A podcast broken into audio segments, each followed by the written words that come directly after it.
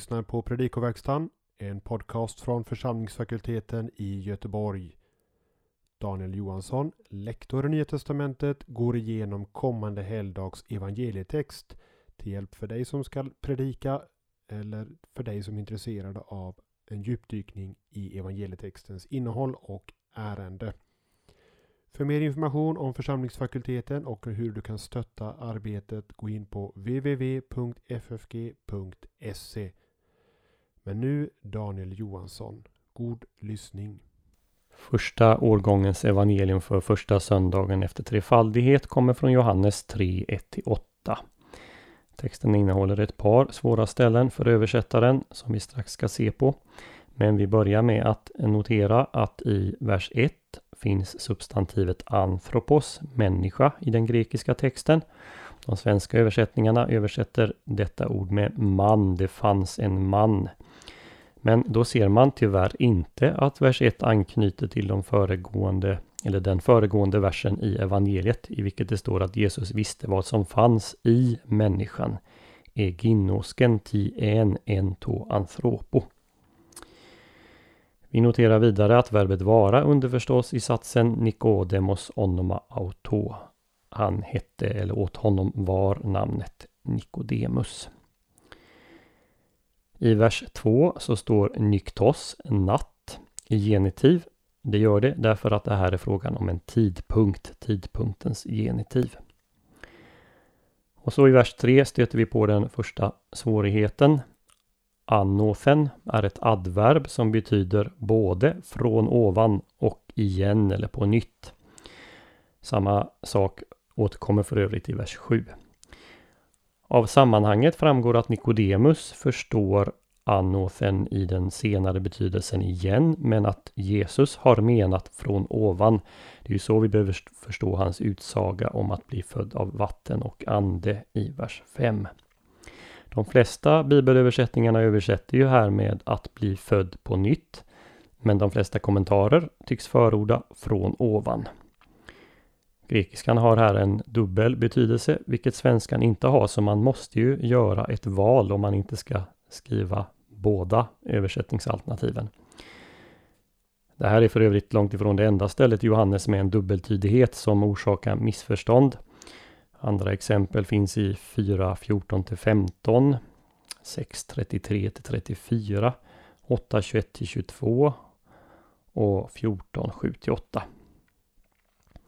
Tvetydigheten i grekiskan här används ibland som argument emot den historiska autenticiteten eftersom denna dubbeltydighet inte är möjlig på vare sig hebreiska eller arameiska. Eh, men då glömmer man som bland annat J.A.T. Robinson påpekat att två lärda män i Jerusalem vid den här tiden mycket väl kan ha samtalat på grekiska med varandra. I vers 4 är läggej en historisk presen och i detta fallet används den för att understryka Nikodemus missförstånd. I den här versen så försvinner återigen begreppet människa i Bibel 2000s översättning Pos dynatai anthropos betyder ordagrant hur kan en människa? Substantivet geron avser en vuxen man med viss betoning av att man har blivit till åren.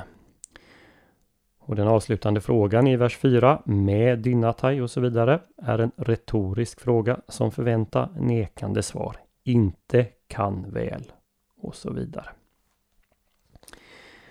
Vi går fram till vers 5. Bibel 2000 väljer som vanligt att skriva ande med liten bokstav. Av sammanhanget här så framgår ju det att det är frågan om Guds ande. Vidare är det så att substantiv i grekiskan som refererar till något unikt inte behöver ha artikel för att vara i bestämd form.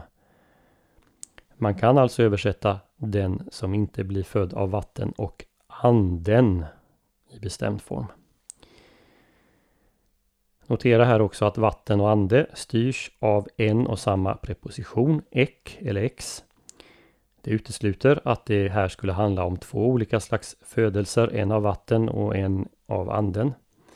Möjligen skulle man som en del gör kunna argumentera för att det är frågan om en hendiadys i vilket två substantiv uttrycker vad normalt ett adjektiv och ett substantiv skulle uttryckt. I så fall kan man översätta andligt vatten. Och så hoppar vi fram till vers 6. To gegenemenon. Det passiva perfektparticipet står här i neutrum det födda.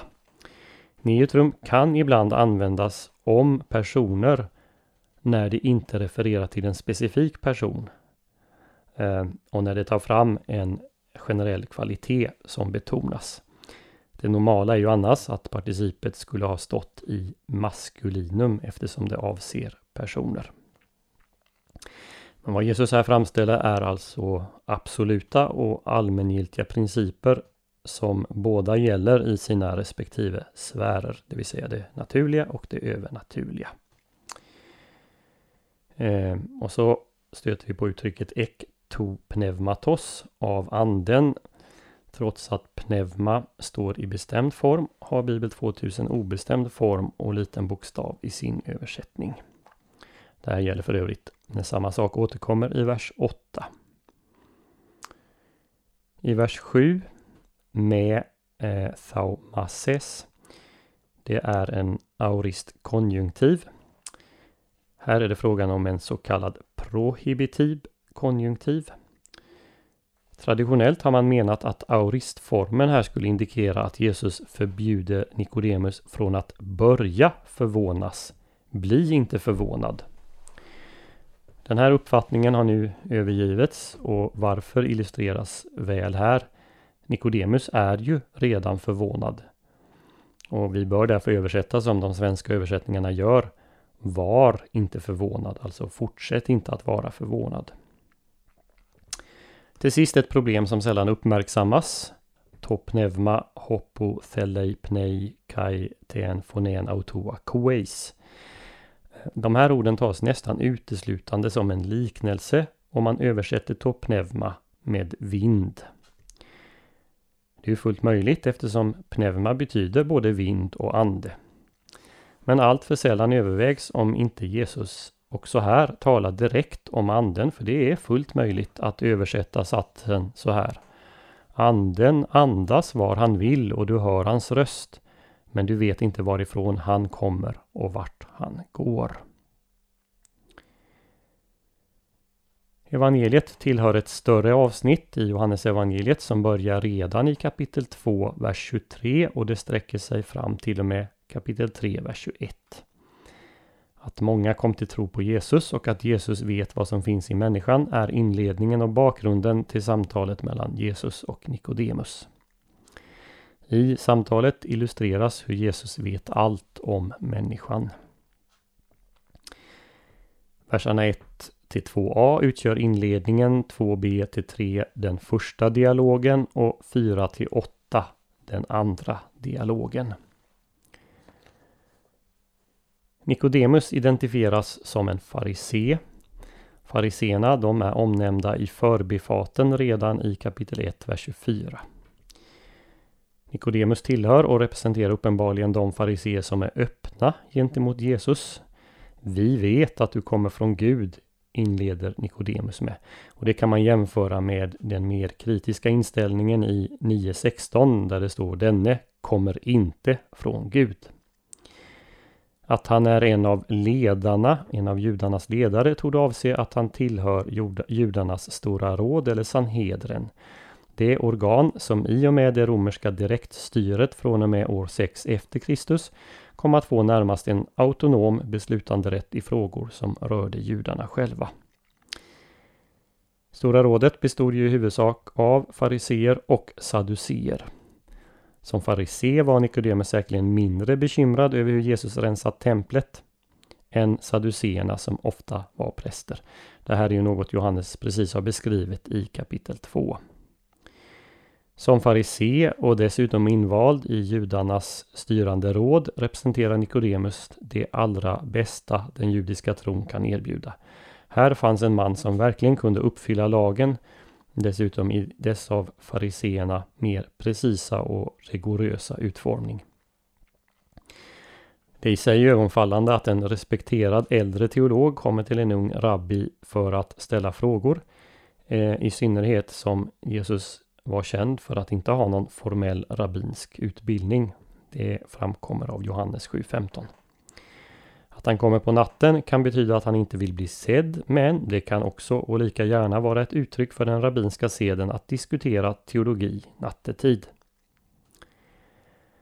Notera här att Jesus inte besvarar Nikodemus ord som ju avser att ta reda på vem Jesus är. Är han profeten? Är han Messias? Ehm, frågor som fariseerna för övrigt ställde i kapitel 1 ehm, angående Johannes döparen. Jesus han vänder det hela istället till att handla om villkoren för att vara en medlem av Guds rike. Om Nikodemus är en medlem av Guds rike. Bakgrunden här är densamma som i Johannes döparens undervisning. I stora delar av den samtida judendomen utgick man från att man som ett barn till Abraham skulle komma in i Guds rike. Det är sådana eh, döparen adresserar med orden Tro inte att ni kan säga vi har Abraham till far. Eh, står det bland annat i Matteus 3.9. Vad Jesus här aviserar det är något som stora profeter som Jeremia och Hesekiel redan profeterat. En födelse från ovan krävs för att inträda i Guds rike. En som är något annat än den jordiska födelsen. När Nikodemus missförstår Jesu ord om nyfödelse eller ovanifrån födelse klargör Jesus sin sak med orden om födelse från vatten och anden. Vad åsyftar Jesus med de orden? Det är en sak som är mycket omdiskuterad. När jag för några år sedan höll på med min mastersavhandling eh, så visade en översikt att inte mindre än 17 olika tolkningar förelåg av detta uttryck. Och jag tänker inte återge alla dessa här och nu utan presentera det som jag ser som den mest rimliga tolkningen utifrån sammanhanget Johannes. Och då finns det två saker att ta hänsyn till. Den första är att Jesus utgår ifrån att Nikodemus ska förstå. Han talar inte i gåtor. I vers 10 förundrar sig ju Jesus över att han som Israels lärare inte förstår. Vad skulle Israels lärare göra? Jo, de skulle undervisa i skriften. Så vi kan nog sluta oss till att det är fråga om en skriftdiskussion. Och det är numera en allmän uppfattning bland exegeterna att det är så. Det andra är den vidare kontexten i Johannes evangeliet. Eh, det finns som en röd tråd från och med kapitel 1 och till och med kapitel 3, eh, nämligen Johannesdopet. Fariseerna ställer frågor om dopet i 1.24 och Johannesdopet kommer upp igen i slutet av kapitel 3. Eh, till skriftdiskussionen först. När Jesus talar om en födelse genom vatten och ande finns den närmaste parallellen i Hesekiel 36, 25-28. Slå gärna upp eh, de här verserna. Det här är den direkta bakgrunden som säger att Gud själv ska rena sitt folk med vatten och låta sin ande komma in i dem. Och Det som sedan följer i, kapit eh, i Hesekiel är kapitel 37, det berömda kapitlet om uppståndelsen och återupprättandet av gudsfolket, det nya Exodus. Ett annat viktigt ställe att ta i beaktande är Jesaja 44, 1-5. Det som skiljer Jesus från Nikodemus här är detsamma som skiljer urkyrkan från större delen av den samtida judendomen. Eh, det är frågan om människosynen. Det som är fött av kött, det vill säga på mänskligt sätt, är kött, det vill säga syndigt, åtskilt från Gud, så att man inte kan se Guds rike.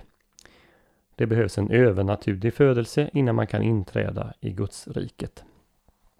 Och här anknyter Jesus till de stora profeternas undervisning. Och jag tänker förutom ovan nämnda ställen även på Jeremia 31, 31 och framåt. Det finns alltså ett grundläggande problem som måste adresseras. En nyfödelse eller en nyskapelse. När Jesus har uppstått andas han på sina lärjungar och skänker dem den helige ande. Eh, det beskrivs i Johannes 2022. Och Notera då att verbet som används om Jesu andning, det är detsamma som används dels i skapelseberättelsen i Första Mosebok 2.7 och dels i Hesekiel 37.9. Har då till sist samtalet med Nikodemus något med det kristna dopet att göra? Läsaren av evangeliet, en döpt kristen, skulle väl knappast undgå att göra den kopplingen. Det är ju ändå vägen in i kyrkan.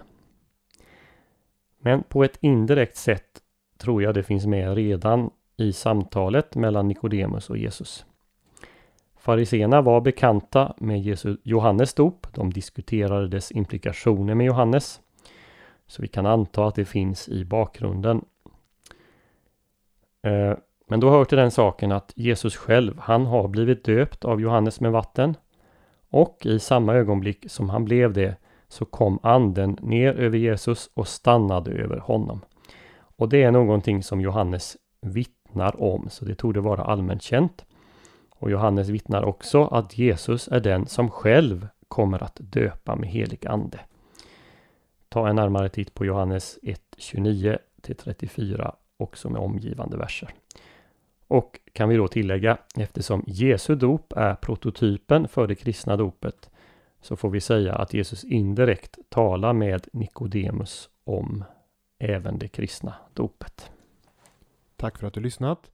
Vill du stödja Predikoverkstan och annan poddverksamhet från FFG? Ge en gåva till swishnummer 123 100 8457 Ange FFG Podcast eller en bankgirogåva till nummer 622-5387.